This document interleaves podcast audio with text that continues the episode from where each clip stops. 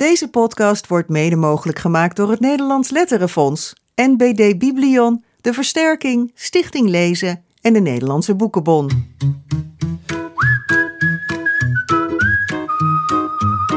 Dit is de grote vriendelijke podcast met Jaap Frieso en Bas Maliepaard. Had jij vroeger een goede relatie met je opa, Bas? Mm, nou, de opa van moederskant, daar hadden we eigenlijk weinig contact mee. Maar de opa van vaderskant, die woonde op vijf minuten van ons af. Dus daar kon ik ook zelf heen fietsen. Hadden we best veel contact mee. En ik herinner me hem als een hele aardige, maar ook een beetje een deftige opa. Hij zat veel in zijn stoel. En dan keek hij zo glimlachend naar ons als wij daar zo aan het spelen waren. Maar hij deed nooit mee, weet je wel. Nee. Dus het was een beetje...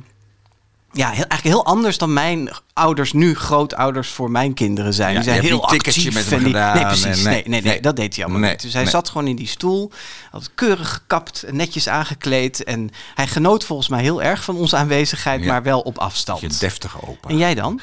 Ja, ik heb geen opa's, want ik ben Fries, hè. Die hebben, heb je pakens. Pakens ja, natuurlijk. paken. Ja, dus eh, alleen ik heb één paak, eh, die is eh, overleden voordat ik geboren werd. Niet zo heel lang daarvoor. Dus daar heb ik een heel romantisch beeld van. Omdat Ja. ik dan altijd denk, dat was vast een hele leuke eh, paak. En dat hoor ik ook over hem. En de andere paken was een, ja, echt wel een stijle, gereformeerde, strenge man. Weet je, die altijd dezelfde grapjes maakte. Kreeg altijd een gulden op mijn verjaardag. We kregen allemaal op, als we twaalf werden, kregen we een horloge cadeau. Dus hij was wel, wel aardig, maar ik, ik was ook wel een opa waar je, of een paken waar je een klein beetje bang, eh, ja, niet heel warm of voor zo. was. Nee, Nee. nee. Dus, eh, Maar waarom wilde je dit allemaal weten, Jaap? nou ja, omdat het prentenboek waar we het vandaag over gaan hebben, dat gaat over een opa neushoorn en zijn kleinzoon. En eh, die kleinzoon heet vast niet voor niets Rinus, want in het Engels heet een neushoorn Rino. Ja. En eh, eigenlijk lijkt die opa in het begin van het boek wel een beetje op jouw opa, Bas. Want die eh, ligt de hele tijd in de hangmat en kijkt een beetje zo rustig naar zijn kleinzoon totdat hij in gevaar komt. Ja, en wat er dan gebeurt, daar praten we zo vast over met de makers. Want ja, we hebben twee gasten aan tafel vandaag. Echte lieden en een beroemd duo dat al sinds 1980 samen prentenboeken maakt. Ingrid en Dieter Schubert. Maar in, de, in het vak zeggen we dan hè, de, Schuberts. We hebben de Schuberts te Welkom gast. Schuberts. Ja, Welkom Ingrid ja, leuk en dat jullie Dieter. er zijn. Ja, fijn Ja. dat we mochten komen. Ja, ja, nou we zitten hier heerlijk. Ja, voordat jullie hier zojuist eh, binnenkwamen of eh, aan tafel gingen ze in het gesprek beginnen, hebben wij, jullie hadden het boek nog niet gezien. En je wist eigenlijk nog niet eens dat het er al, eh, Nee. al was, Rines. Dus we hebben jullie het eh, eerste exemplaar uitgereikt. Daar hebben we een filmpje van gemaakt. Dat zetten we op social media. En jullie hebben het nu net eventjes snel kunnen bekijken. Ja, is, is dat nog weer een bijzonder moment, een nieuw boek na zo lang? Ja, het is natuurlijk altijd een bijzonder moment als je eerste exemplaar wordt uitgehandigd. Hè. Heel spannend en je kan er niet meer terug. Hè. Als je fouten ontdekt, die staan Dit er is het, ja. Maar ik heb, we hebben het tot nu toe nog nooit meegemaakt. Het is altijd heel goed gegaan. Ja. Dus ik ben ook met dit boek ontzettend blij. En ben je dan ook bij het drukproces geweest? Want Ja, dat hoor we ik wel veel van Allebei illustratoren. aanwezig. Want dan kun je nog aan kleuren Nee, draaien, nee, geloof nee, ik, of nee, zo. nee. hè? Nee, Of niet- niet? dat Nee? hebben ze liever niet. Oh, oké. Want het is vrij duur als een, eh, zeg maar, als een eh, proces doorloopt. Mhm. En je zegt, nou, die kleurtjes zijn fout. En dan moeten ze weer machine opstarten. En dan gaat nog een keer duizend Ah, ja. exemplaren door doorheen. En dat is natuurlijk peperduur. En het is gedigitaliseerd. Hè? Vroeger Ja, had je de drukker vroeger. die dan, dan eh, zei je van nou dat vind ik een beetje te roodachtig. Zei hij van oké, dan nemen we een beetje rood weg, doen we een beetje blauw bij, een beetje zwart daarbij. Vindt hij dat goed? En, maar dat gebeurt niet meer. Nee, dat wij, het zijn ja. perfect. Ja. Dus ook En- de drukproef die jullie gezien hebben, Ja. dat is Ja. eigenlijk Ja, het boek. Maar nu heb je dan toch het boek in handen. Voelt Ja. dat dan toch weer een Het beetje anders. Nou ja, het is, een- het is afstandelijk. Hè? Als, je, als je bezig bent met illustraties en je bent- bent bezig met het, ehm, eh, met het proces eigenlijk, dan eh, is het nog helemaal je eigen kind.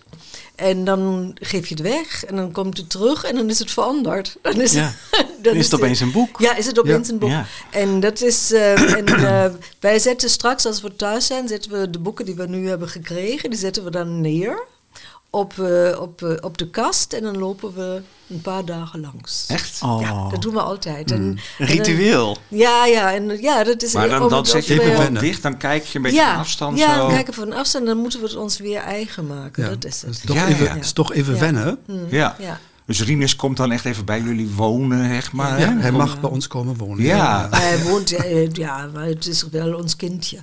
Zoals al onze boeken, onze kindjes. Ja. Maar jullie maken Ja. dus eigenlijk al 43 jaar prentenboeken. Jullie zijn ook nog steeds heel erg productief. Hè? Jullie laatste, vorige boek, dat verscheen in augustus vorig jaar. Dus er treedt helemaal geen gewenning op aan dat een nieuw boek in je handen krijgen. Je denkt niet, oh leuk, weer een nieuw boek en, en door. Het blijft zo'n bijzonder moment. Ja. Ja. Ja, voor mij wel. Ja, voor mij ook. Want Ja? eh, het is elke keer is het natuurlijk ook, je begint van vooraf aan. Hè? Ja. Dus het is elke keer, je hebt een boek afgesloten en dan val je in een gat. Zo van, "Ah, en nu? Wat ga ik nu doen de volgende keer? En als dat niet meer is, eh, als je een routine hebt ontwikkeld, dat je weet van, ah, ga ik doen, hè? dus eh, zo'n productie. Dan denk ik, ehm, doe je jezelf ook tekort als Ja. maker van een Dus het boek. moet bijzonder Het blijven. moet Ja. bijzonder Ja. en je Ja. moet elke keer weer... En heb je ook niet het gevoel, ik zou me voor voorstellen, ik heb nog nooit een boek gemaakt. Ik ben recensent en dat zijn gemarkeerde Ja. schrijvers, dus dat lukt ook nooit. Maar, maar, maar, maar- Daar hebben we het later over. Spreek voor jezelf, hè? ik denk echt, dat is een boek voor mij. Ik zou echt zo trots Zijn, zijn. we ook, we zijn Ja. trots. Ja. Maar het allereerste boek wat wij gemaakt hebben, Het krokodil onder mijn bed, was een grote grap. Hè? En, eh, want we studeerden allebei nog. En, eh, en dat was ook de, ook de eerste keer dat we samen gingen werken. En dat was op eh, eh, aandringen van onze leraar toen. Piet Klaassen, die Ja. ik Mhm. waarschijnlijk Ja. ook nog. En die zei van, maken jullie maar samen een prentenboek. En het was eigenlijk het begin van onze samenwerking. En ik had alleen maar, eh, ja, omdat we ook nog studeerden, is, het, is, eh, is er geen druk. Er is geen, eh, geen professionele druk die op je eh, ligt. Nee. Maak je wat en dan ga je lol hebben. En wij hadden toen al een beetje dat wij met elkaar steeds een beetje aan het, aan het bekvechten waren. Ja, zoals nu En- nog steeds. Ja, ja. En dan zei Dieter, ja, en dan zei Dieter wat heb jij daarvoor, wat ben je aan het kan maken? Ik krokodillen zei, veel beter ja. tekenen dan jij. Ja, ik teken een krokodil. En dan zei Dieter, oh, wat heb jij voor een krokodil? Ik kan veel beter. Ik zei, doe maar. en, eh, en zo is het eigenlijk altijd gebleven. Ook die, dat wij dus elkaar... ehm, ja, hoe moet ik het Uitdagen zeggen? Uitdagen, Ja, ja, ja. ja. dat is het juiste woord. Je daagt elkaar uit en dan kom je door het uitdagen en het speelse... kom je dus eigenlijk tot verrassende oplossingen. En dat wordt naarmate je langer in het vak zit... moet je dit, die verwondering... eh, die moet je steeds Die moet weer je echt koesteren. ter- Ja. en terugvinden. Snap je? Dat is het terugvinden, dat je, dat je, dat je vanuit je buik eigenlijk. Ja, dus dat gevoel van het eerste boek, dat moet je eigenlijk weer Ja. een beetje Moet je oproepen. ja. Ja. ja. Ja. Ja, Ja. ja. Het moet altijd een grote verrassing blijven. Ja. Ehm, dat Ja, vind ik is een eigenlijk voorwaarde. gevaar. Ja, Ja. Ja. In elk beroep is Ja, routine waar. Ja, wat wil je zeggen over eh, Ja, eh, voorwaarden? want kijk, als het routine wordt, hè, dat je, oh, ik maak een verhaal, dan ga ik snel illustreren, dan vind ik persoonlijk, dan is die lol voor mij eraf. Het moet altijd gewoon een verrassing blijven en denken, oh ja, dat heb ik nog nooit gedaan, dat gaan we doen. Hè. Eh, Je moet die zi- de zin er weer in Ja. hebben. Om Ja. dat- ja, ja. Ja. En niet van, oh, ik moet, Nee. eh, ik Oh, moet achter ja, mijn tekentafel gaan zitten. dat, dat gebeurt ook. Dat je, dat dat je, soms heb je een idee en dan denk je van, oh, dat is een leuk idee. En dan ga je beginnen en dan merk je opeens, oeh, het loopt Wordt vast. En, dan, eh, en dat is altijd een moeilijk moment dat je dan ook moet beseffen Ja. dat eigenlijk je idee niet... Niet deugt. Niet Nee, deugd. nee, Nee, dat moet je nee. toegeven Ja, dan. moet je ja. toegeven. Ja. Maar goed, Nou, we het idee van. in ja, de- we gaan ja. er meteen vol in. Ja. Nee, ik wou zeggen, het idee van Rinus deugt, want het boek ligt hier op tafel. Ja. Er was nog even één dingetje wat ons opviel. Want in de aanbiedingsbrochure van de uitgeverij, waarin het boek werd aangekondigd, had de eh, kaft een hele andere kleur. Die Ja. was toen een Ja. beetje zachtgelig. Je ziet op de kaft, voor de mensen die het boek eh, nog niet hebben gezien, die luisteren, eh, eh, het hoofd van opa Neushoorn met op zijn hoofd eigenlijk de kleine Rinus. Zijn kleinzoon eh staan, die staat een beetje in een soort surfhouding. En de achtergrond is nu ja, een beetje terra, oranje-achtig.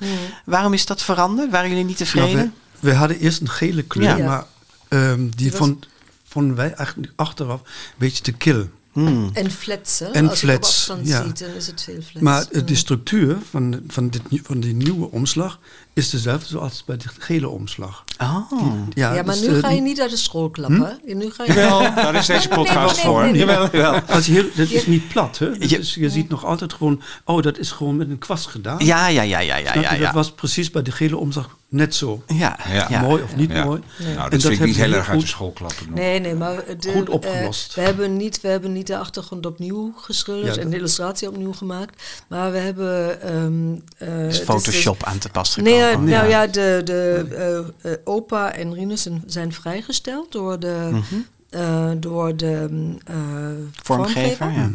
En toen heb ik, heb, heb ik een aantal kleuren eigenlijk op kleine, kleine Ja, vakjes hebben we gekeken welke kleuren Ja. passen. En ehm, toen heb ik samen met onze dochter, met onze oudste dochter, hebben wij, want zij is daar heel handig in, hebben wij gekeken wat past bij, bij, eh, bij Rinus. Dus we hebben verschillende ontwerpen gemaakt. En toen zei de eh, ehm, vormgever, ik vind die kleur maar ik vind, het mooi, maar ik vind die kleur ook mooi. En toen heeft hij die samengevoegd. Oh, Vandaar dat het een beetje, beetje roodachtig geworden Ja, is. het is een fusie geworden. Ja, Ja, ja. ja. Maar, eh, dus maar, en dat was, en maar we- wat voor ons belangrijk was, was dus, dus dat de structuur, dus de penseel. Zichtbaar strepen, bleef. Dat het Zichtbaar licht bleef. zichtbaar ja. Ja, Ja, ja, ja. ja. ja. Weten jullie trouwens, ho- hoeveelste boek is dit van jullie? Ja, want, Nee, want wij weten dat Ik precies. Wij hebben de 96e aflevering nu. Ja, maar jullie weten we? niet meer hoeveel boeken... Hoeveel boeken? Nee? Nee? Oh, dat hou je niet bij. Nou, we hebben het ook niet geteld, want het was best wel lastig. Want er zitten ook een paar omnibussen tussen, weet je wel. Dus dan weet je niet wat Ja. zijn nou losse titels en wat moet je meetellen. Maar Maar van Duitse uitgevers ook? Oh nee, die Nee. heb je ook nog. Ja, ja. Ja. Ja. We praten zo verder over Rinus en jullie omvangrijke oeuvre. Maar eerst nog even een bericht voor de oplettende luisteraar. We hadden voor eind mei nog een update aangekondigd, Ja, Jaap? Ja, maar die hebben we laten vallen omdat het toch een beetje veel werd naast de, de aflevering, eh, deze aflevering en de Arnie M. G. Schmid lezing van Jean-Claude van Rijkegem die we hebben gepubliceerd. Eh, maar luisteraar, eh, niet getreurd. Die hou je van ons eh, Komt te altijd goed. wel weer goed. Ja, ja. Maar dit is ook een mooi moment om jullie, lieve luisteraars, even op te roepen om vriend van de show te worden. Dat hebben inmiddels 336 mensen gedaan. Die steunen ons middels, inmiddels met een maandelijkse of jaarlijkse bijdrage. Zijn we natuurlijk ongelooflijk blij mee. Nou, zeg dat. Ja, want dat geeft ons een, eh, nou ja, gewoon een goede financiële basis om de podcast te kunnen blijven maken. Maar ben je nou nog geen vriend, dan eh, kun je dat worden via vriendvandeshow.nl slash de GV podcast. Ja. En nu ga jij Ingrid en Dieber nog even echt introduceren. Ja, want Ingrid die nam er net al even een voorschotje op. Eh, een paar dingen die ik nu ga zeggen heb jij net ook al gezegd. Maar dat maakt Ja. niet uit, dan horen de luisteraars het even dubbel op. Dat is fijn. Ja. Jullie zijn beide geboren in Duitsland. Eh, Dieter in de voormalige DDR. Je ouders die vluchtten naar West-Duitsland toen je vijf was. Eh, jullie, het is met, met zeven mijlslaarzen, hè? dus eh, niet alle details uit jullie levens komen voorbij. Jullie ontmoeten elkaar op de Fachhochschule für Design Münster. Eh, waar jullie allebei vrije schilderkunst en grafiek studeerden. En jij geloof ik ook nog kunstgeschiedenis, eh, Ingrid. En eh, ik, ik vat het maar even zo samen. Na wat omzwervingen kwamen jullie allebei terecht in Amsterdam op de Rietveld Academie. En maakten jullie dankzij de tekenleraar Piet Klaassen, zoals jullie net al zeiden, de overstap naar het illustratievak. In 1980 was daar jullie debuut. Er ligt een krokodil onder mijn bed. En er volgde een grote prentenboekencarrière met hoogtepunten als Platvoetje, Woeste Willem, Mijn Held, De Paraplu en de serie over Beer en Egel, waarvan een deel de kinderboekwinkelprijs kreeg. Dieter, jij won in 1987 het Gouden Penseel voor Monkey. ehm, dat ook in beide edities van de Grote Vriendelijke 100 eh, staat. En in 2018 wonnen jullie gezamenlijk een zilveren penseel voor Konijnen Tango. Ja. Nou, Dieter, wil jij om het gesprek eh, te beginnen de eerste zin uit Rinus voorlezen? Dat is eigenlijk onze officiële aftrap van het gesprek altijd. Dat doe ik heel graag. Vroeger was opa een hele wilde neushoorn. Hij was sterk, De reuze eerste zin zeiden we, Dieter. De, Dat was de eerste zin. Je ging verder, meteen verder met de tweede zin. ja, maar Dieter leest het hele boek voor. Nee, ja. de eerste zin. De Kan eerste je dat zin gewoon zin. schrappen? die staat er goed, nee, die staat er goed Maar op. we hebben het gehoord. Vroeger was opa een hele wilde neushoorn. Maar dat, dat is die dus. Dat is de zin, punt. Ja, Maar eh, vertel verder, hij, eh, zonder voor te lezen, hij is dus nu niet meer een hele wilde neushoorn. Hè?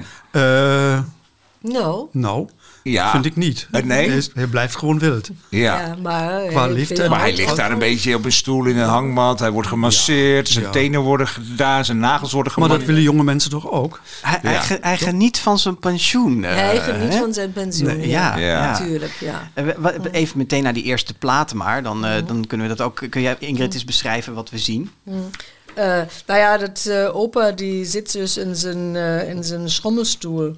En droomt eigenlijk van vroeger, wat hij allemaal kon. En, eh, en het zijn dus eh, lineaire tekeningen, waar, waarvan wij eh, dachten van ja, het moet een beetje absurd zijn. Want opa die, die eh, eh, schrijft natuurlijk ook een beetje over zichzelf op. Ja. Ook in zijn herinnering.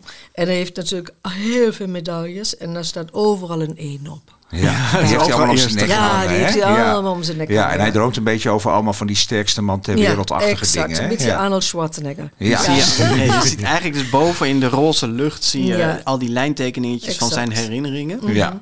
Precies. En daar, eh, daar draagt hij bijvoorbeeld een enorme stapel zware stenen op de punt van zijn hoornen Ja. op zijn Ja. neus. En Ja, Rinus is nog niet te zien, hè? Nee, Rinus is nog niet te zien. Nee, en dan slaan we om en daar zien we. Daar komt eh Rinus eh, aangewandeld. Ja. Met een heel leuk regenboogtasje in zijn hand. En we zien ook, eh, opa ligt ja, echt voor pampus op een massagetafel. En hij wordt gemasseerd door een, eh, nou zeg het maar. Een tijger. Door een Een tijger. En, wij, en hij heeft dus een lotion een, eh, eh, op de billen van opa staan. en eh, nou ja, eerst hadden wij gewoon, dachten we van oké. en op en, dat is ook een groeiproces. Dan denk je van, het is een tijger. Dus wat smeert hij op de rug van opa? Tijgerbal. Ja, er staat balsem op het potje. Ja, precies. En dan hebben wij ongelooflijk veel lol. Ja, maar ja, dat bedenk je niet van tevoren. Nee. Ze moeten dan opeens opploppen. Zo van, Ja, oh, zijn- ja. Ja. ja. Maar het gemasseerd worden door een tijger lijkt me niet... Heerlijk. Is het lekker? Denk ik. Heerlijk, Ja, ja. denk ik. Heerlijk. Ja, kijk maar naar een die maar die nageltjes. hebben we al zo vaak gebruikt. Ja. Ja. Dus we vonden tijger e- eigenlijk veel toepasselijker. ja, en ik denk dat ze... En, eh, en het is natuurlijk een grote kat. En die kunnen heel zacht met hun pootjes. Ja, ja, Maar zo'n neushoorn heeft natuurlijk ook een heel dikke... Dikke huid. Ja, dikke je. huid. Dus eerst dachten we, nou, dat moet toch een klein beetje bloed in. Oh, Dus Nee, dat, is, eh, dat, dat hoor ik nu voor het eerst. Volgens mij heeft Dieter Niet zo het gek doen, laatste Dieter. te Nee, verzinnen. nee. ik neem Ja. terug. Ingrid, zou jij eh, wel dit hele stukje van deze bladzijde even willen voorlezen? Dus we hebben net gehoord, hè, vroeger was opa een hele wilde neushoorn. En dan Ja. lezen we dit. Ja. Maar nu is opa oud. Het liefst ligt hij de hele dag in de schaduw te dommelen. Vandaag moet hij op Rinus passen. Rinus wil graag spelen, maar opa wil eigenlijk helemaal niets. nee. Nou, zeg het maar, eh, Ja. Dieter. Ja. Is dit autobiografisch? Nee, absoluut niet. Nee, ik hou niet van stilzitten. Nee. Ik moet gewoon echt eh, bezig blijven. Oké. Anders val ik echt in slaap. Dus ja, maar dat doe je re- geregeld toch? Ja, als je soms... In slaap vallen? Ja? Ja? Nee, nee, dat is nu een grapje. Ja. Nee, we, eh, kijk, wij zijn natuurlijk nu ook al sinds vijf jaar zijn we grootouders. En we zijn met hart en ziel altijd ouders geweest, maar Ja. nu ook grootouders. Ik had nooit gedacht dat, je, dat, Dat dat, zo het leuk is, zo ja. ontzettend leuk Nee, zou hoeveel zijn. kleinkinderen hebben jullie? Twee. Twee. En, is er gaan- een Rinusje bij? Eh, nou, onze Elias is een, ja, die heeft iets van een wilde kleine neushoorn. en, eh, maar het gekke is, dus je beseft dan, want wij kennen elkaar natuurlijk en we weten van onszelf, wij zijn ooit kinderen geweest, ooit eh, tieners, jongvolwassen. Dus, eh, en, maar onze kleinkinderen leren ons kennen op een leeftijd dat wij oud zijn.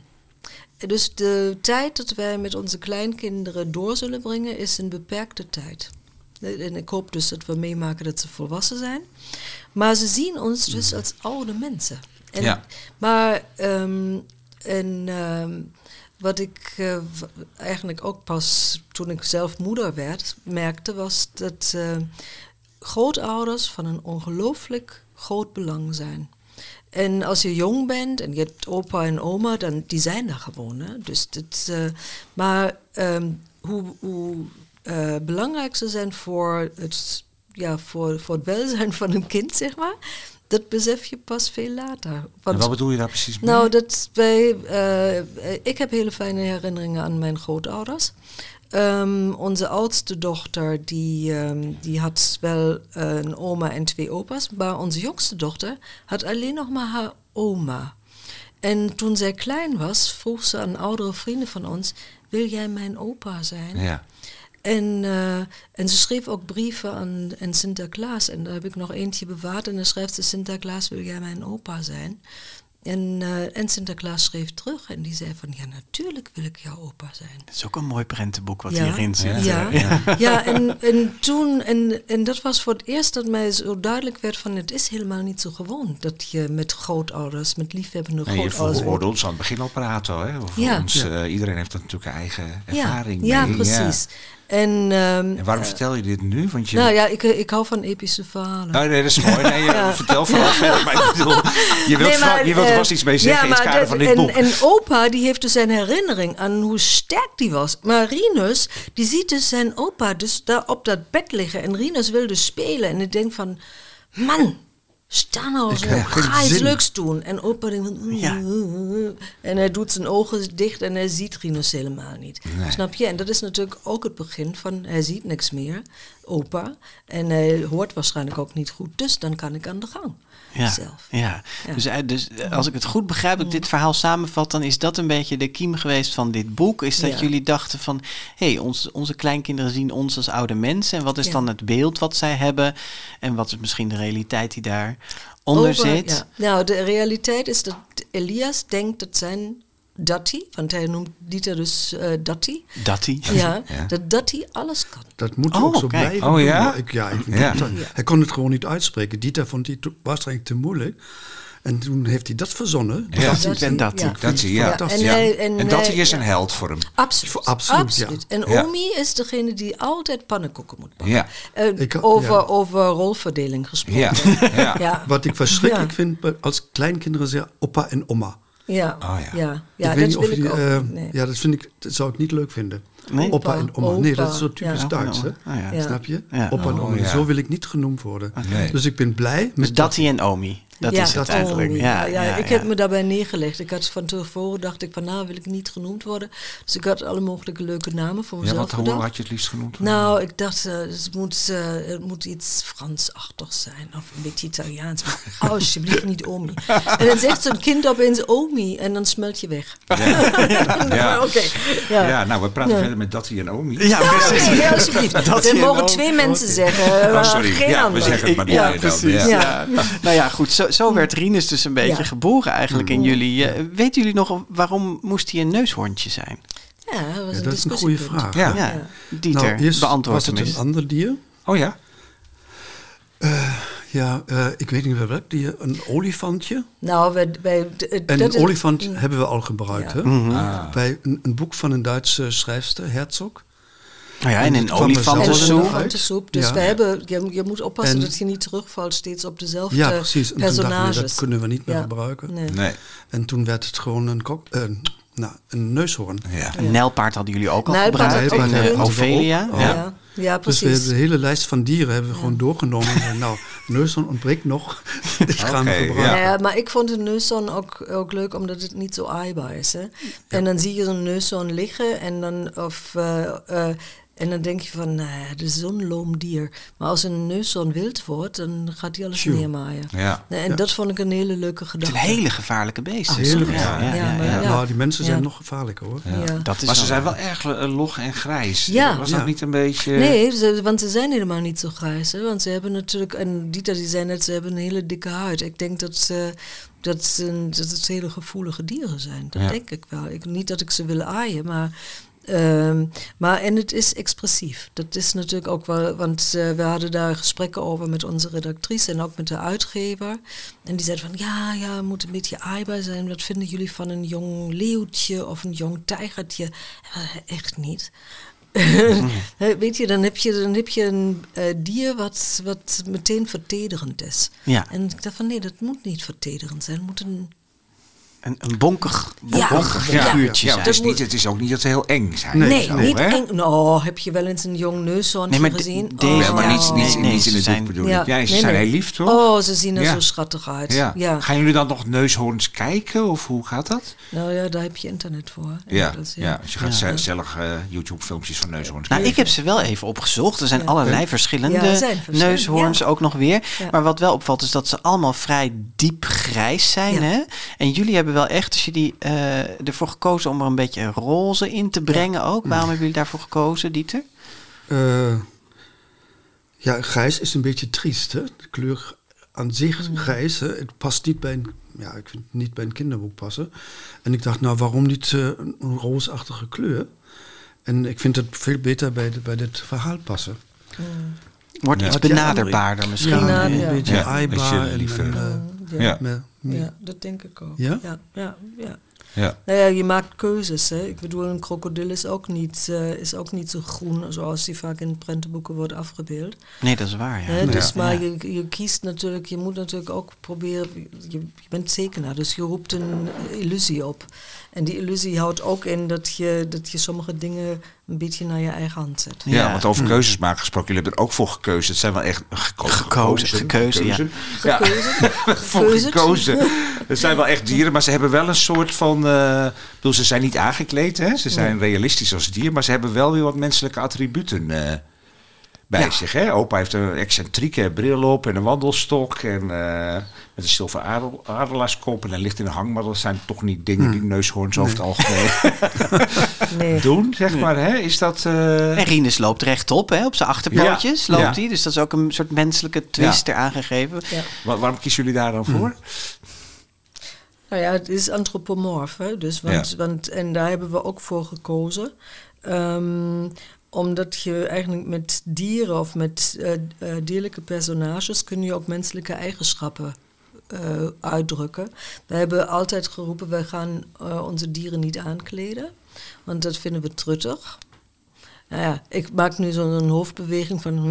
Nou, we hebben het wel eens gedaan. Ja, hè? hebben we wel Ja, eens ja. gedaan. Ja, maar het... ehm, Maar truttig of mag het eigenlijk niet, vind ik? Het mag, tuurlijk mag ja, het. het. staat mij een Ja. beetje tegen. En, eh, maar we hebben natuurlijk wel nu attributen uit de mensenwereld heen. Want anders dan blijf je, en als je dat naar het boek kijkt, we hebben ook de achtergrond. Dus het is niet in een landschap geplaatst, zoals bijvoorbeeld beer en, beer en egel. Omdat wij ook, ook in deze vormgeving willen we ook iets anders uitproberen. Anders dan val je steeds terug van in welke setting moet je dat zetten. Zo'n neushoorn, neushoorn leeft dan in, in, Afrika of in Indonesië. En, eh, of, eh, en dan moet je dus eigenlijk de natuur moet je dan ook een beetje weergeven. En we zeiden van nee, dat willen we niet. Ja, we willen en, en ook de andere dieren, hè? want Ja. dit is een, eigenlijk een Ja. wonderlijke cast, kun je Ja, zeggen. dat Want is zo. hè, de wasbeer komt voor in, in Noord-Amerika en een beetje in Europa als exoot. Ja, ze Ja. zijn van alle continenten. Van allerlei continenten komen Ja. de dieren bij Ja. elkaar. Ja. Ja, en dat kun je niet doen als je heel realistisch met landschap omgaat. Dus we hebben hiervoor gekozen. En we hebben ook gekozen, want opa kan niet goed horen. Dus hij heeft een gigantisch, eh, gigantisch hoorapparaat. Een soort toeter. Ja, Ja. toeter. een- ouderwetse toeter, ja. precies. En, eh, en dat vinden wij dan... Ja, wij hebben dan, wij hebben dan met elkaar Gewoon gewoon lol. lol. En eh, ik denk dat is eigenlijk ook de, het beste uitgangspunt voor, voor ons dan. Als wij plezier hebben. Ja. Dan, dan gaat dat ook uit het Ja. boek Dan gaat het goed. Ja. komen. Ja, ja. Ja. Ja. Dus jullie lachen, Ja, en, lachen. Ja, ja, En, ja. eh, dan hebben wij dat ook en dat kinderen ook rode oren, oren krijgen van, van pret. hè? Ja. En dat vind ik zo ontzettend belangrijk. Heeft onze oude uitgever, de oude Boelens, die zeiden ook... Als Van Lemmiskaat. Van Ja. Lemmiskaat. Hadden we een heel goed band mee. Die zei ook, je moet erom kunnen lachen. Ja. En dat vond ik echt heel erg belangrijk. Hè? Ja. Ja. Als je niet kunt lachen, als ja, alles is serieus. Ja, ja. Ik, ik las ook Dus ergens in een een ander interview met jullie dat jullie altijd op zoek zijn naar een zekere hilariteit, stond daarin, in, in het boek. Nou, dat is hier inderdaad wel het geval. Hè? Een want zekere hilariteit is wel een het zekere geval. hilariteit is wel het geval. Ja, Ja, er want- moet geen klucht worden. Want Nee, dat is nee, ook. nee, dat, is, soms is dat een beetje moeilijk. Je kunt Ja. ook een illustratie of eh, een houding of een uitdrukking kun je ook overdrijven. En dan wordt het heel snel kluchtig. En dus je moet altijd proberen, of wij moeten altijd, wij proberen altijd een, een, goede tussenweg te vinden. Ik- Als ik nu kijk naar de pagina dat opa dus in zijn leunstoel zit en dan eh, worden de voeten gewassen door die wasbeer. Ja. Daar hebben we heel lang, maar dat was eerst een ander was een dier. ander dier. En toen zeiden van, ja, maar een wasbeer, dat is veel leuker. Ja. Om, en die Heeft is ook mooi. hè? Ja, en die is ook mooi met zijn, met zijn, eh, Zijn boevenmasker. Ja, ja. ja. En, eh, en de, het stekelvaken gaat dus met een van zijn stekels dus de nagels schoonmaken. nou, dan, dan lig ik al helemaal in een deuk. Ja. Maar dat duurt heel lang voordat je dat bedacht hebt. Ja.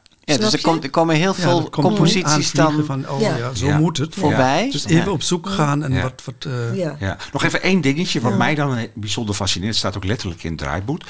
Rinus heeft een regenboogtasje, maar naar de betekenis daarvan is Jaap bijzonder geïnteresseerd. Ja, dat snap ik. Dat heb ik ook al tegen Dieter gezegd. Wij krijgen ongetwijfeld een vraag over die Nou, tas. hier, hier is die. Waarom dat. Ja, want Rinus heeft dus echt zo zo'n zo'n soort dokterstasje is het, hè? Met zo'n een mooie handtas, ja. Echt een handtas in regenboogkleuren. Ja. Ja, Ik, ik zag het op eh, op een, tijd van een eh, eh, winkel. Daar liep een oudere mevrouw met zo'n tasje met regenbogenkleuren. Ach, Ja. En ik dacht, oh, dat kunnen we heel goed gebruiken Ja. voor Rinus. ja. Oh, Ja, ik want- vraag straks ja. even welke site dat is. Want ik Huh? hij, wil, hij wil dat thuis. Duitse site. Dat is onze geheime zaak. Nee, maar die, eh, we- ja, we hadden eerst een dokterskoffertje. Ja, en en- toen oh, dachten we, ja. ja, dat is belachelijk. Weer Ja. een dokters, waarom Ja. heeft hij een dokterskoffertje? Want hij heeft natuurlijk wel een pleister op zijn knie. Maar we vonden het ook een beetje flauw. En toen kwam dus dit regenboogtasje. Ja. En we dachten ook... ehm, ja, dit is ook iets van deze tijd. Ja. En daarom doen we het erin. Ja. Onopvallend, maar het valt meteen op. En ik wist dat die vraag van... Nee, maar het is echt, het is, op een leuke manier heel Ja. opvallend. Weet Ja. je, want het is op Ja. iedere bladzijde, het Ja. is ook zo'n ding wat je dan, hé, hey, waar is dat tasje? Nou, Ja, dat regenboogtasje, dat Ja. komt Ja. weer ergens terug. Ja. Ja. Ja, en dat doen wij Het is een eenmaal... klein statementje, is het toch Ja, wel? absoluut. Ja. Dat, eh, en, en, toen wij, en ook dit is weer gegroeid, want eerst het dokterstasje, dan een regenboogtasje. En toen wij die beslissing hadden genomen, waren we daar ook heel blij mee. Ja. Maar dat heeft ook wel iets van Rinus die toch graag stoer en sterk en Ja. wild wil zijn. Maar tegelijkertijd loopt hij een beetje met zo'n nou ja, gekleurd, vrouwelijk of in ieder geval een Ja. beetje zo'n Ja. tasje. Ja, dus maar dat, moet kunnen. Ja, nee, zeker. ja, want we, we hadden vroeger, onze oudste dochter had een, had een eh, vriendje. En die kwam dan bij haar spelen. En dan had hij zijn rugzakje op en daar zaten Barbiepopjes in. Ja. En dan zei hij tegen zijn moeder, nou maar niet vertellen Ja, ja, ja, en dat dan- is wel erg. Ja. Ja. en dan ging hij heerlijk met Barbiepoppen Ja, spelen. wat heeft Rinus eigenlijk bij zich in het tasje? Dat heb je niet Ja, opgemerkt. heb ik wel op je maar ik vraag het gewoon. Oh, ja, want ik wil was het zelf ook wel oh, vertellen, ja. maar Hij speelt hier interviewertje. Oh, is het zo? Nee, nou ja, hij heeft uiteindelijk valt dat tasje naar beneden Ja. en dan rollen er kleine. neushoortjes uit. Ja, Ja. opa Ja. en Ja, Schattig. En die zijn wel helemaal roze. Hè? Dat zijn Ja. echt eh, zeg maar de Ja. speelgoed eh, Ja. neushoorntjes. Ja, Genoeg over Ja. het tasje. Ik ben nog Ja. heel tevreden met het antwoord. ik ben heel antwoord? tevreden met het Ja, antwoord. Ik ben ja, ook blij dat we de vraag gesteld hebben, zodat jullie niet teleurgesteld hebben. Ja. Ja. en wat ik nog wel leuk vond om op te merken, ook als detail, is de, hè, we hebben het net over die toch aparte kast van dieren, is dat er ook een neushoornvogel tussen zit. Hè? Dat vond ik ook een hele grappige. Van dat dan niet zomaar een vogel, maar een neushoornvogel. Ja, ja. We gaan Eh, even verder in het verhaal. Ja, Ingrid, zou jij even terug willen bladeren naar die eh bladzijde met die, eh, dat gehoorapparaat? Want Ja. ehm, ehm, en eh, Dieter heeft het al voor zich. Want als opa, die, die, ja, die dommelt dus lekker, hè? die valt een beetje in slaap. En dan grijpt Rinus eigenlijk zijn kans. En die gaat er vandoor om lekker wild te spelen. Wilder dan opa ooit heeft gedaan. En dan klimt hij op een gegeven moment, want van wild doen krijg je dorst. En hij komt bij een grote waterval met heel veel watervalletjes naar beneden. En hij klimt daar op een tak om water te drinken. En dan gebeurt er dit. Dieter, je mag de hele bladzijde voorlezen. Niet het hele boek, alleen de hele Ik bladzijde. lees ook met... Nee, alleen die Nee, nee, bladzijde. Pieter, hou je, Ja, ik hou, weet- ik Ja, hou bij de waterval. Oh, je in ja. bij de waterval. Oké. Ja. Zo, eh, oké. Rinus heeft het warm gekregen. Van wild doen en sterk zijn krijg je dorst. Hij zou wel een hele waterval leeg kunnen drinken. Rinus is niet bang voor water, maar dit water is wild. Dan hoort Rinus kraak. Kraak. Ja, kraak. Ja, het mooie. Ja. Ja. Ja, en jullie beschrijven dan niet precies in de tekst wat er gebeurt, maar dat Nee. zie je op de tekening. Hè? Ja, Want die, die ja, tak Ja. breekt Ja. af en Rinus wordt door het Je, water. voelt, je voelt het, hè? Dat ja. vond ik- Is dat echt iets ook wat jullie bewust doen? Zo Ja. dat niet Ja. helemaal beschrijven. Ja. Nee, dat, ja, dat, ik denk dat beschrijven. Kijk, hier wordt natuurlijk iets verteld, maar ik denk alles wat beschrijvend is, dat kinderen zien dat. Heel Ja. snel. Hè? En het is veel spannender dat je, dat, dat je pas op de volgende pagina ziet wat er met hen Ja. En gebeurd is zo'n tekening er dan al voordat de tekst er komt? Nee, Is dus de teksten? altijd eerst de tekst. Eerste tekst. Oké. Oh, wat Ja. grappig. Ja? Ja. Ja. En De hele tekst van het hele ja, boek? Ja. Ja? Ja. We schrijven echt een scenario Oh, Oké. en dan maken we een indeling, een kleine pagina. Indeling. Story. Ja, Storyboard. storyboard. Ja, Ja. En sommige illustratoren doen het niet. Nee, maar we hebben eerder met Kees de Boer hier gehad. Ja. Die maakte het met Jibbe Veldkamp samen. Die deden dat Ja. volgens mij ook een beetje Ja. zo. Annemarie Ja. van Haringen doet het ook. Oh ja, ja, ja. Ja. Dus je, Maar dat kleine, en die wer- werken we dan uit. ja. En pas daarna werken we gewoon de illustraties uit. Dus Ja, maar- ja. Ja. ja. En we hebben eerst, wij schrijven altijd eerst de teksten, want wij willen eerst weten of de, of de verhaallijn of die goed is. Want er kan ook nog van alles in, in veranderd worden. We weten meestal het begin en het einde. En dan, ehm, en dan schrijven we ook uit, eh, in dit geval, dan hoe uh, Rine zich voelt en hoe opa eigenlijk dan een beetje lui in de stoel zit. En als we dan beginnen te tekenen, dat is dan ook de afspraak met de redactrice, dan willen we reduceren. Ah, dus dan ga je mogelijk. eigenlijk zoveel mogelijk schrappen Ja, wat precies. eigenlijk Ja, al in beeld je te schrijft een zien veel is. langere tekst, je schrijft veel echt een langer, verhaal, Veel ja. langer, ook om, om, om zelf daarin te komen. Ja, je, precies. Moet, je, moet, je moet toch eerst zien ehm, eh, dat het voor, voor jezelf gaat leven. Ja. En ehm, Maar schrijf je dan echt het verhaal helemaal uit? Of heb je ook al dit soort zinnen? nee. Nou ja, wij denken in beelden. Dat is ook heel grappig. Wij denken allebei eigenlijk van begin af aan in beelden. Maar wij hebben altijd Ja, je bent meer tekstmens dan... dan eh, Nee, Ja, ik ben, nee, want zo'n illustratie, hoe kan je dat nou ja, zeggen? nee, want de- die illustratie met de waterval, de, ik vond het een hele spannende scène. we hebben En, dan eh, drie verschillende versies ge- en, gemaakt. En ik dacht eerst van, ah, dan stroomt het water. Aan de rechterpagina zie je alleen maar het waterstroom. En links heb je dan Rinus op die boomstam staan. Was ook heel grafisch, vond ik. Dan zei de uitgever, een beetje, een, beetje eh, een kale illustratie. Kunnen jullie daar niet nog over nadenken? En dan ga je daarover nadenken van hoe kun je die illustratie, hoe kun je het eh, zo maken dat, het, dat je als dat je ingetrokken wordt in, in, in de illustratie. Dat je het voelt dat hij eh, iets doet wat eigenlijk eh, niet goed kan aflopen. En, dan, en dat, dat is echt een proces zo. En dus eigenlijk is het een van onze favoriete illustraties geworden. Ja, hij is heel mooi. Maar, want Ja. het begon dus met een veel grotere waterval, Ja. begrijp ik. Ja, Ja. en één waterval. En, eh, En één waterval, en ja. Rinus was groter. Ja. Dus die verhouding die klopte niet. Hè? Dus Nee. eh, die, eh, die angst eigenlijk die je moet hebben als kind. Dan, oh, dat is gevaarlijk. Die zat er gewoon nog niet in. Oké. Ja, Dus je denkt bij kleiner een veel grotere waterval ben je misschien veel banger. Ja, maar ook Rinus was, Ook Rinus dus was bijna, was, eh, eh, besloeg bijna... Oh, eh, De hele linkerpagina, ja, ja, ja. ja, ja. En dat is ook dan, want, het, want hij is nu heel klein in een immens grote ruimte, zeg maar. Ja. En, ehm, en dat is ook, je speelt met gevoelens. Hè? Je speelt, als je zoiets uitbeeldt, dat kun je beschrijven in een tekst. Maar als je dat in een illustratie laat zien, dan voel je eigenlijk dat, eh, dat hij omsloten wordt door iets wat veel groter is dan hij. Nou, en wat ik, ik vind wel een- een schoolvoorbeeld inderdaad van hoe je eh, tekst en beeld op elkaar laat aansluiten. Want je hebt dus Rinus zit of staat op die grote tak. Er staat alleen krak in de tekst. We zien verder niet de tak breken of iets dergelijks. Dus je moet zelf als lezer al die link leggen van oh die krak, dat is Ja. die tak. Ja. En je ziet ook in die tak af. zie je een soort van Inkeping. inkepingje of een soort holte waarvan je al kan zien oh dat is niet een al te stevige tak. Ja. Weet was je een- wel? dat was een houthakker. Dat zie je toch.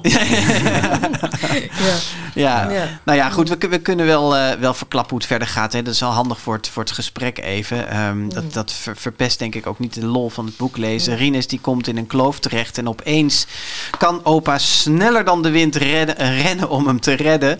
En eh, ja, hij komt echt woest overeind uit zijn eh, sluimerstand, zeg maar. En hij eh, spurt op eh, die kloof af om zijn kleinzoon te redden. hoorapparaat en het, Opeens eh, kan hij ook weer uitstekend horen, blijkbaar. Want Ja, natuurlijk. Ja, dat is, eh, ja, je, kunt natuurlijk selectief doof zijn. Hè? ja, ja, Maar dit is die dat die, die toch ineens alles kan wat Ja. de kleinzoon Ja. graag Ja. wil. Hè? Ja. Ja. Ja. En komen er nou onvermoede krachten nog in hem vrij? Of heeft hij dat, dat pensionado-standje ook een beetje geveinsd? Nee, ik denk dat als je, als je zo, ik, dat merken we bij onszelf ook, dat wij ongelooflijk ehm, actief zijn als, ehm, als dat van ons gevraagd wordt. maar wij kunnen ook in een sluimerstand als we alleen zijn. Ja. Snap je? En dat, eh, dus ik denk dat je de- expressiviteit, die, eh, die, en dat is dat wat ik in het begin zei, ehm, dat je als je ouder geworden bent, je, hebt- dat je kleinkinderen je dan zien. Eh, nu zijn de grootouders gelukkig veel actiever dan vroeger. Ja. Maar eh, als ik zo aan mijn opa denk, die zat dus in, altijd naast de kachel. En dan kwam je aan en dan, eh, en dan deed hij alsof hij doof was. En dan deed hij altijd zo. En dan praatte je achter iets haar, ja, Ja. zo. En praatte je iets harder. En dan zei hij van, hé, praat niet zo hard. "Oh, je bent helemaal niet doof. Weet je, dus... Wat Ja, grappig, dus- ja. Nou, ik had een opa, mag ik dat ook nog even kwijt? Nee. Hè? Ik had een opa van mijn vaders kant. eh, Die vocht in de Eerste Wereldoorlog, maar die had een houten poot. Ja. Het enige wat ik me nog kan herinneren, dat ik daarop mocht zitten. Op die houten poot. Op die houten poot. Hij zat in zijn leunstoel, zo, Ja. met zijn stijve houten Ja. poot. En ik heb geschommeld. Echt waar? En hij vond het fantastisch, hè? Ja, en, jij heeft, vooral ook. Hè? hè? en dan heeft hij af en toe een liedje gezongen en ik zat op die houten poot. Oh, wat heerlijk. ja. Ja, en die raakte niet vermoeid natuurlijk. en nee, hij raakt Nee, nooit. maar het is ook een heel mooi beeld om van zoiets Ja. toch een beetje treurigs en tragisch Ja. iets moois te maken. Ja. eigenlijk, hè? ja. Ja, misschien wordt het volgende prentenboek. Opa met een houten poot. Ja, maar dit is wel echt het verhaal nu wat jullie... Dit prentenboek hadden jullie niet 30 jaar geleden al kunnen maken, hè? Want dit Nee. komt echt wel uit jullie grootouders zijn. Mm, dat weet ik zo 1, 2, 3 niet. Ik denk, eh, kijk, ons eerste boek Krokodil onder mijn bed hebben we gemaakt toen we nog geen kinderen En we hebben ook altijd gezegd van wij willen niet, eh, wij willen dus niet on, de, ontwikkeling van onze kinderen gebruiken voor onze prentenboeken. Want dat vind ik eigenlijk, dan, ga je je kinderen observeren en daar heb ik toch veel moeite mee om dan, eh, om dan eh, eh, ja, hun geheim wereldje om dat Te te, gebruiken. exploiteren. Ja, Ja. daar heb ik echt veel moeite Ja, mee. maar toch Ingrid, zeg jij straks Ja. van dat eh, de, het feit dat jij jullie realiseerde van eh, Elias ziet jullie als oude mensen, dat is eigenlijk de bron van dit boek. En dat die, diezelfde gedachte had je 30 jaar geleden vermoedelijk niet gehad, omdat je die ervaring nog niet Nee, maar ja, je ziet ook je ouders, zie je ook als, eh, Ja. als eigenlijk als leeftijdsloze wezens. Ja. Dus, want Ja. die zijn er altijd geweest. En grootouders zijn er ook altijd geweest. Hè. En, eh, maar je weet als grootouders, weet je dus dat je ooit ook een ondeugend schepseltje was. Ja, En ja. misschien nog steeds bent. Weet je? Mm. Wat, wat ik nog heel graag wil weten, ik, ik, we vroegen vandaag op Instagram eventjes aan de mensen die ons volgen, hebben aangekondigd dat jullie zouden komen. En toen vroegen erbij, hebben jullie nog een vraag? En toen waren er een paar mensen die, die vroegen zich af van waarom tekenen ze eigenlijk zo vaak dieren en minder mensen? In het begin van jullie oeuvre zie je wel wat meer mensen terugkomen en mensenkinderen. Maar dat is eigenlijk steeds meer opgeschoven naar de, naar de dierenwereld. Hoe is dat gekomen? Ja, je kan met dieren eigenlijk ontzettend veel meer doen dan met mensen. Je bent niet, meer modeafhankelijk. Want over tien jaar zien die kinderen of volwassenen totaal anders eruit. Dat zie je nu eigenlijk al gebeuren. Dus bij eh, dieren heb je dat probleem niet. Dat is inderdaad wel waar. Als je, als Ja. je jullie eerste eh, boek hè, van Platvoetje en zo neemt, dan, dan zie je ook wel een kind uit de jaren tachtig, zeg Ja, maar, met zijn kleding en zo. Ja, Ja. ja, grappig. En Ja. Monkey bijvoorbeeld, eh, dat is Ja. het jasje van onze dochter Hanna. Ja. En die hebben we nog steeds bewaard. Hè? Ah, Ja. Dat, is, dat is toch leuk. En dat mutsje, dat blauwe mutsje, heeft, eh, Ja, heb, jou, heb, jij, heb je gemaakt. Ja. En dat hebben we ook bewaard. Hè? Ja. En Maar, dat zijn, ja, maar is zo, dat is inderdaad ehm, eh, ehm, ja, tijdsgebonden. En we hebben ook gekozen voor dieren, omdat, omdat je, wat ik al eerder gezegd heb, ze zijn, eh, ze zijn antropomorf en je kunt dus eigenschappen, menselijke eigenschappen, kun je dus met, met, met dieren kun je die eigenlijk een beetje uitvergroten. Ja. En, ehm, eh, en ik denk ook, ja, als je iets engs laat zien en het is een kind, dat het bij een kind veel be- eh, dreigender Ja, overkomt, heftiger overkomt, heftiger ja. overkomt dan dat je een dier neemt. Kinderen Ja. moeten zich wel kunnen identificeren met zo'n personage, maar het moet niet een bedreiging voor hen ja, vormen. dus als er een kleuter Ja. op die tak had gestaan Ja. bij die waterval, Ja. dan was dat, Ja. dat was veel, enger, Ja. geweest. Ja. Ja. Ja. En Ja. dat is ook, dat is dus ook de bewuste keuze dat wij ons zo ook een grotere vrijheid kunnen Ja, permitteren. en er zit toch iets meer afstand Ja, tussen dan inderdaad. mens zijn. Ja. En dat, Maar je Ja. moet het toch ook leuk vinden om dieren te tekenen? Want Heel dan, erg ja, leuk. ja. Dan zou je het ook niet vol, Nee. lijkt me. Nee, we, kijk, en En we zijn... onder studietijd was het verplicht. Ja. We gingen elke twee dagen per week gingen we naar de dierentuin. Ja. In Duitsland ook. En wij moesten gewoon alles tekenen. Ja. En we begonnen met de botten. Botten tekenen. Oh ja. Van sauriërs en noem maar op. Skeletten. En Ja, skeletten. Ja. Heerlijk. Ja. Nou, Ja. ik vond helemaal niks. hè, Ik maar vond het ik heb daar wel, fantastisch. we hebben daar wel veel aan gehad hoor. Ja? Ja. We weten nu precies hoe een dier in elkaar zit. Hè? Ja. Kijk, als je niet kunt tekenen, een dier, hoe het echt eruit ziet, dan kan je ook niet eh, een dier Nee. gewoon eh, gekke houdingen laten aannemen, snap je? Nee. Nou, Je moet dat de basics leraar moet je in Je je... moet de basics Ja, kennen. je Ja, moet, je, dat je moet weten hoe een dier zo. gaat functioneren, hoe het loopt en hoe het st- bijvoorbeeld staat. Hè? En dat heeft onze oude leraar, Piet Klaassen, die, die heeft het ook een beetje gestimuleerd. Hè? Ga Nou, eerst goed tekenen en pas daarna kan je het loslaten. Ja, maar dat was in Duitsland ook. Onze professor in Duitsland, die was ook Die heel ook erg... gezegd, ja. En, eh, maar en, en ik denk dat het ook een hele goede zaak is dat je, nou, dat je, eh, dat je anatomische kennis hebt. Ehm, maar het loslaten van de anatomische kennis, dat is weer een ander verhaal. Snap je? ja, jezelf vrijheid Ja, permitteren. ja, exact. En dat, is, en dat is ook iets waar, wat we hebben moeten leren. Want wij waren heel trots erop dat we alles zo realistisch mogelijk konden tekenen. Ja. En nu eh, is het wel dat ik, dat ik wel eens tegen Dieter zeg van... wij hoeven niet te laten zien dat de neushoorn een schoudergericht heeft. Nee. Dus dan zegt hij, ja, maar dat is wel belangrijk. Ja. Ik zeg van, ja, maar door de tekening kun je het ook laten zien... maar we kunnen het ook, we kunnen het ook een beetje overdrijven. Ja. Dus het, en dat is ook een gesprek wat we regelmatig hebben. Dat wij dat loslaten van, eh, dat, dat, eh, van het, de anatomie Ja. moet losgelaten worden ten, eh, voor de expressie. Expressie? Expressiviteit. Ja, expressiviteit. Ja. Ja. Ja. En dan hebben we dit boek van jullie zo helemaal voor je liggen. We hebben het een beetje doorgenomen. Nu weten wij totaal niet wie van jullie wat heeft gedaan. Dat vinden jullie ook altijd heerlijk om dat geheim... eh, Ja, het is geen geheim. nee? Nee, voor ons niet. Toch? Voor ons niet. Maar voor ons wel. Nee, Ja. maar we weten wel uit interviews en andere gesprekken met jullie... dat je altijd een beetje geheimzinnig doen over dat... hoe die samenwerking precies Nee. is. Nee, het is niet geheimzinnig. Nee? Nee, nee. Oké. nee Dan gaan we dat nu voor eens en voor altijd Ja. ophelderen. Kijk, eh, toen ik de eh, Gouden Pinseel won, heeft Ingrid ook daarna gezegd, weet je wat, ik denk niet dat we ooit nog een keer samen kunnen werken. Want dat was het, e- eigenlijk het enige Ja, boek waar jouw naam gewonnen. alleen op mijn, staat. Hè? Mijn Ja. naam staat erop. Ja. En eh, toen zeiden we tegen elkaar, dat willen we niet. We willen zo graag samenwerken. Ja. Dus we hoeven niet iedereen te vertellen wie wat gedaan heeft. Want Ingrid had ook een aandeel aan, aan Monkey. En eh, dat waardeer Ja. ik natuurlijk ook. Maar we konden het niemand duidelijk maken eigenlijk dat we het niet meer wilden doen. Hè?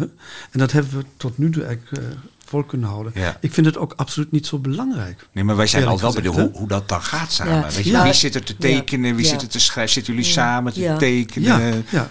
Nou maar ja, niet dus in, illustratie, nee. dat gaat niet gebeuren. Nee. Daar mag Ingrid niet aankomen. Nou ja, en maar- ik mag Ja, maar jij gaat wel in mijn tekening. Als het niet goed in elkaar zit. Het zit wel heel goed in elkaar, Ja. ja. Nee, nee, maar die... eh, nee, maar wij... Nee, maar zit Ingrid te tekenen en Dieter aan het stofzuigen en kijkt daarna een uurtje hoe Dieter het gaat? stofzuigen, dat is wel. Echt Elke ochtend. Ik dacht, ik maak even geen emancipeerde Ja. opmerking. Ja. Ja, nee, nee, nee. Nee, ehm, wij, wij hebben, eh, wat Dieter nu zegt over Monkey, maar het was al daarvoor... Kijk, wij hebben besloten om te illustreren. We komen allebei uit de vrije, vrije schilderkunst en grafiek. En toen wij ehm, besloten om naar illustratie te gaan... en uiteindelijk ook samenwerkten, zeiden we van... Nou, wij, dan, wij hebben een doelgroep, dat zijn kinderen. Dus wij, ehm, en, eh, dus illustratie is, is toegepast. En dan moet je niet je eigen ego uitleven. Dus wij zeiden van hoe willen wij een prentenboek, wat is voor ons belangrijk? En voor ons was het belangrijk om een verhaal te vertellen en illustraties te maken waar een kind in kan komen. Waar, een kind dus zich mee kan identificeren. Ehm, toen hebben wij nog geprobeerd het een keertje uit te leggen. Maar dan zeggen mensen heel gauw... Oh, zit dat zo? Doe, jij doet dus altijd de achtergronden en, het, en, eh, de entourage... en jij doet altijd de personages. Eh, zo werkt dat niet. En toen Nee. zei Dieter, wij stoppen daarmee, we zeggen daar niks meer over... want onze samenwerking is heel complex. Ja. Wij staan op, als we zo met Rinus, Rinus gaat voor ons leven. Dus wij gaan, vallen in slaap en dan eh, dromen wij over Rinus. Eh, we staan op en we praten over Rinus en het is alsof die dan aan onze tafel zit. En zo zijn alle personages zijn wij zagen ze ook lopen op een gegeven Ja. moment. Snap je? Dus je hebt het voortdurend Je hebt het daar voortdurend over. En dan Ja. ben, je, ben je voortdurend eigenlijk Ja. in een... In dus ze een ontstaan gewoon in Ja. jullie gesprekken, in Ja. jullie geest, in Ja. jullie Ja. samenleving. En wie Ja. het dan uiteindelijk op papier tekent of wie wat voor lijntjes Nou ja, zet. ik ben veel liever dan Dieter. Oh ja? Wat, wat ben je? Liever dan jij. Ja. Nee, Soms nee.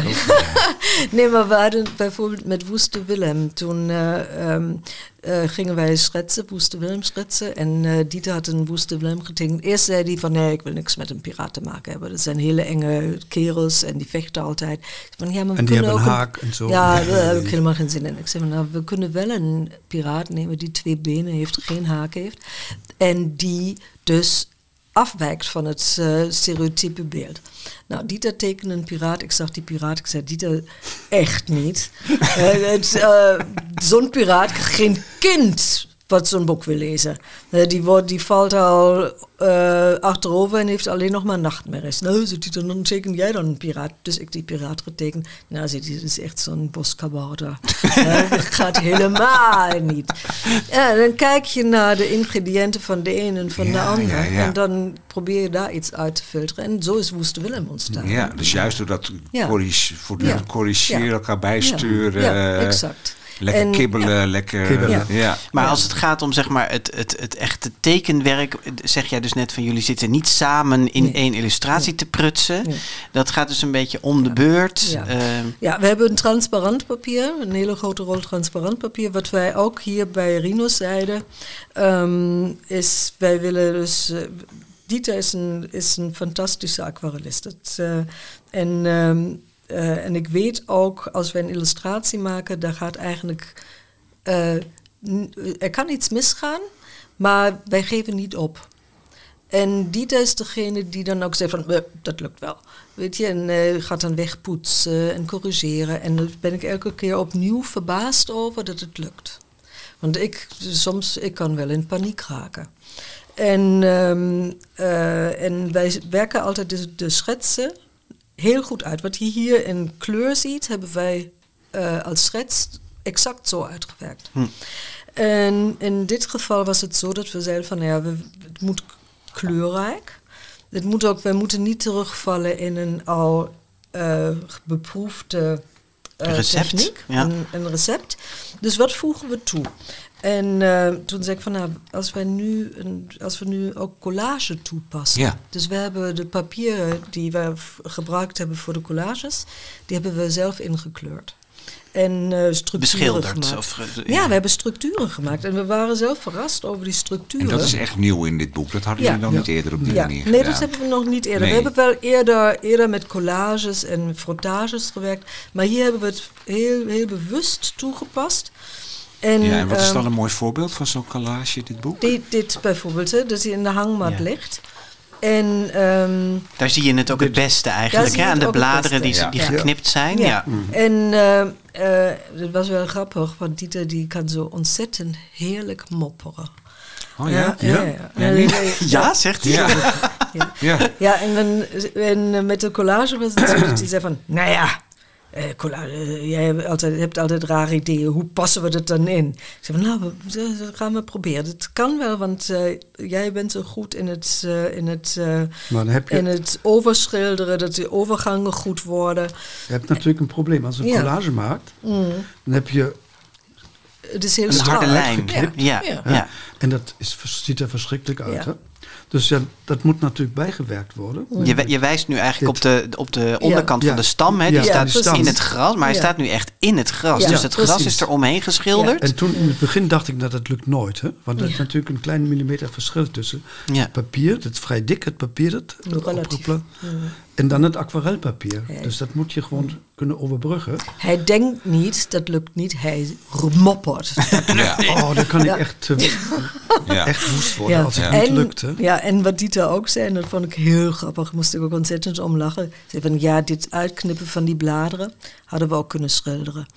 Ja, ja, Was is gegaan. misschien wel zo even advocaat Ja, van de want wat duivel. ja. Wat levert, het, Wat wat levert levert dit op? Het leverde voor ons een, eh, een nieuw inzicht op. En dat was heel belangrijk. Maar wat is dat nieuwe inzicht dan? dat dat kan. Dat kan je niet schilderen. Nee. Het, je kunt het niet schilderen. Nee, zo op dat kan je niet schilderen. niet. Dat is op een hele speciale manier gedaan.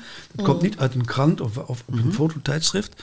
Dat is een hele speciale techniek. Eh, Ja. vertel jij even, jij bent eh, Nee, verantwoordelijk nee, ik geworden. ga nu geen geheimen Nee, maar dit, wat- hoe dat gemaakt is, dat bedoel ik. Nee, En als ik nou even van als, Ja. buiten, als ik nou niet zie dat dit een collage is, is dat erg? Nee, helemaal niet. Het gaat, Nee. om, het gaat om de sfeer. Ja. En voor ons was het belangrijk om iets toe te passen wat we nog niet eerder hadden Hmm. gedaan. Nou ja, wat je natuurlijk wel hebt, is dat, dat, dat het aquarel is, is eh, een heel- dat oogt heel zacht. Hè? Ook de kleuren die jullie gebruiken zijn over het algemeen pasteltinten.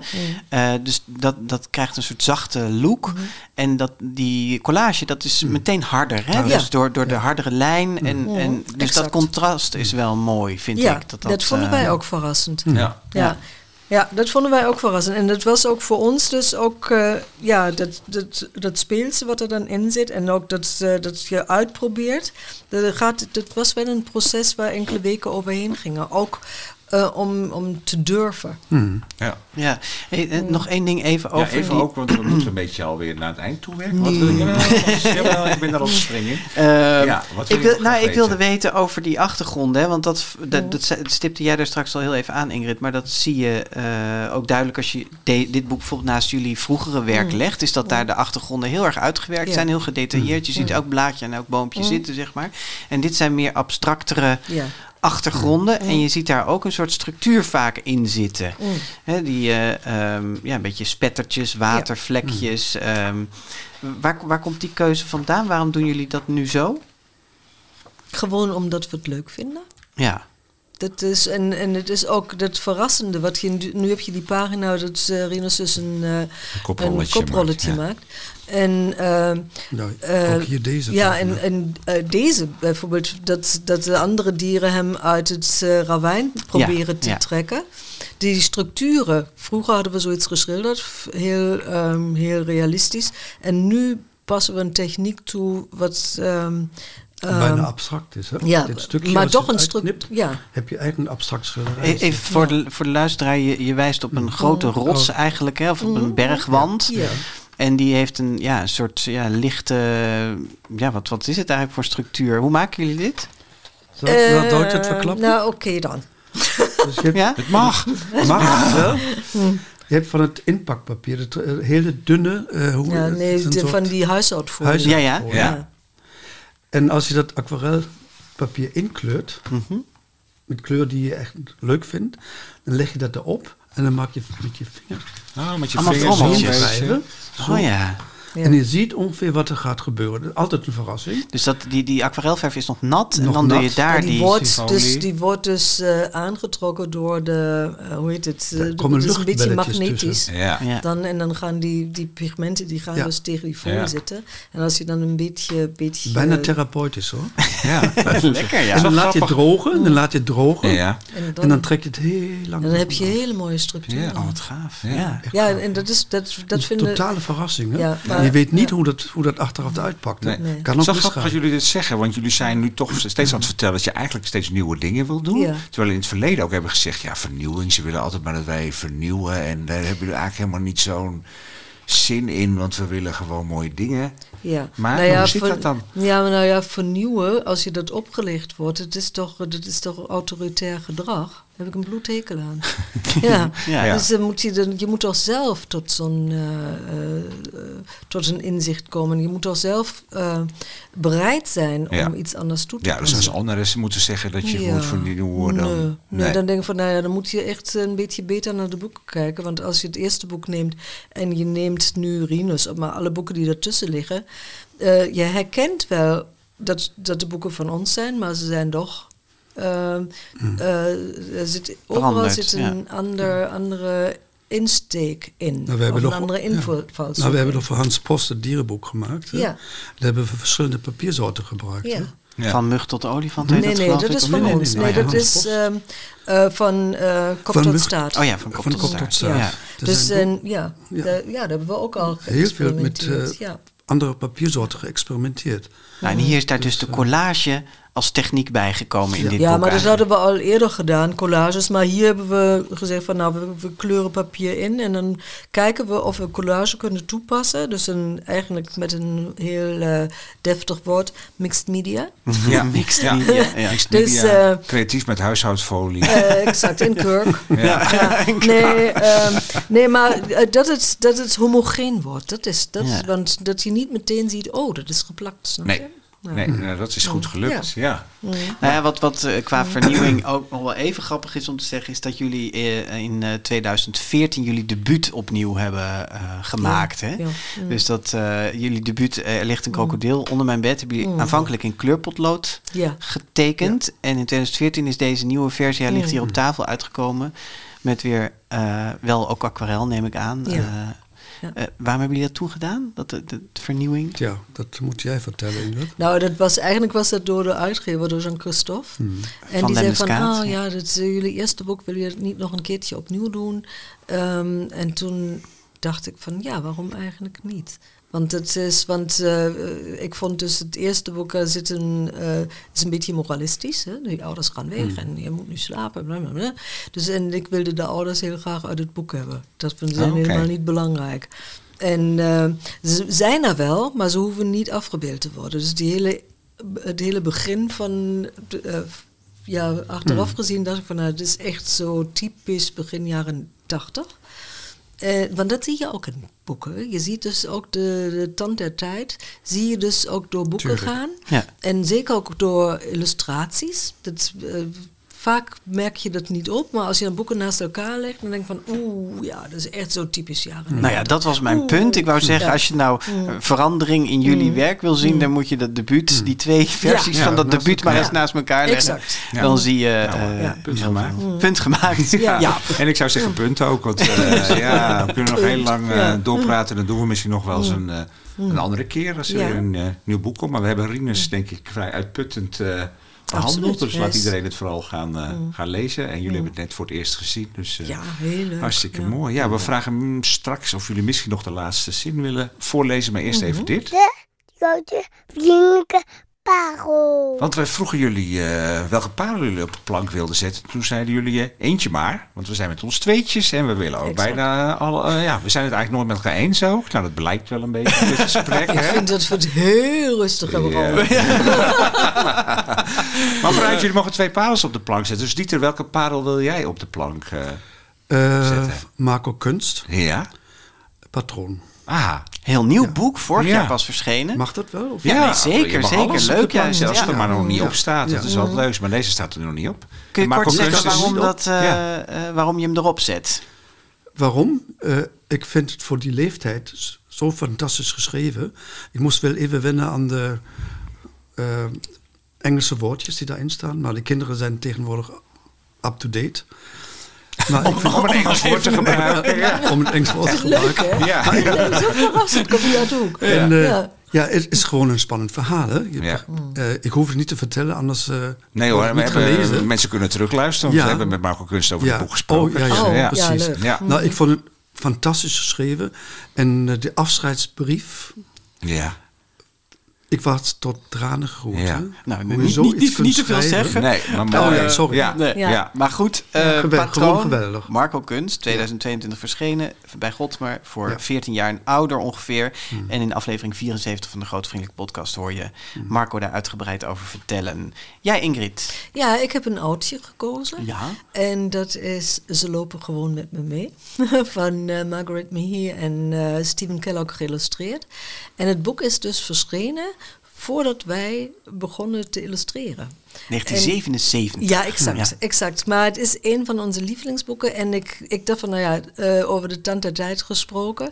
Ik heb het verhaal nu weer gelezen en ik denk van, ja, eh, het is typisch voor deze tijd, maar het is hartverwarmend. Het is een tijdloos verhaal. En vertel even kort waarom Ja. het typisch... Nou ja, omdat het, zo, omdat het zo wensvervullend is. Dat je als kind heb je zo fantasieën en, eh, en, eh, en dan denk je van, ah, ik zou zo graag een olifant willen hebben. Ja. Of zo graag een paard. En dan kan dat niet, omdat je drie hoog achter woont.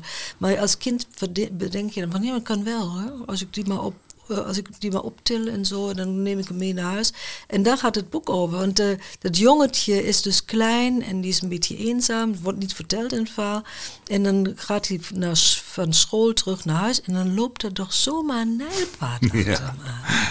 Nou, Ja. Het worden En- er steeds meer. ja, Ja, dat is en geweldig. het was dus, en hij houdt zo van nijlpaarden. Ja, ja. Weet je, en, eh, en het is zo ontzettend ontroerend om dat te lezen. En nu ook weer, toen ik het gisteren eh, las, dacht ik van ja, het is, het omsluit het kind zo, het neemt een kind zo in, de- Ja. ja, het omhelst eigenlijk Ja, het kind. Het was En een grote mooi. favoriet bij ons thuis Ja. vroeger. Ja. En volgens mij is, is daaruit een zin iets van eh, dat Kareltje Jonas, zo heet hij zich, Mm. dan bedenkt van dat die nelpaarden nou juist hem uitgekozen Ja, hebben exact. om achterna te lopen. Dat vind ik zo mooi. Ja, ik zin. ook. Ik ook.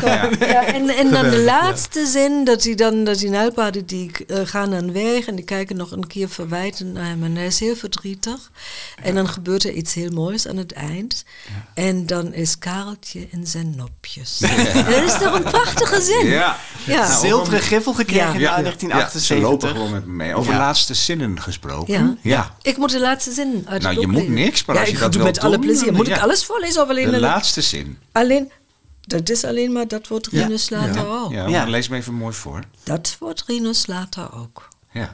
Wij zijn dol op korte laatste zinnen. Ja, heel leuk. Ja, ja.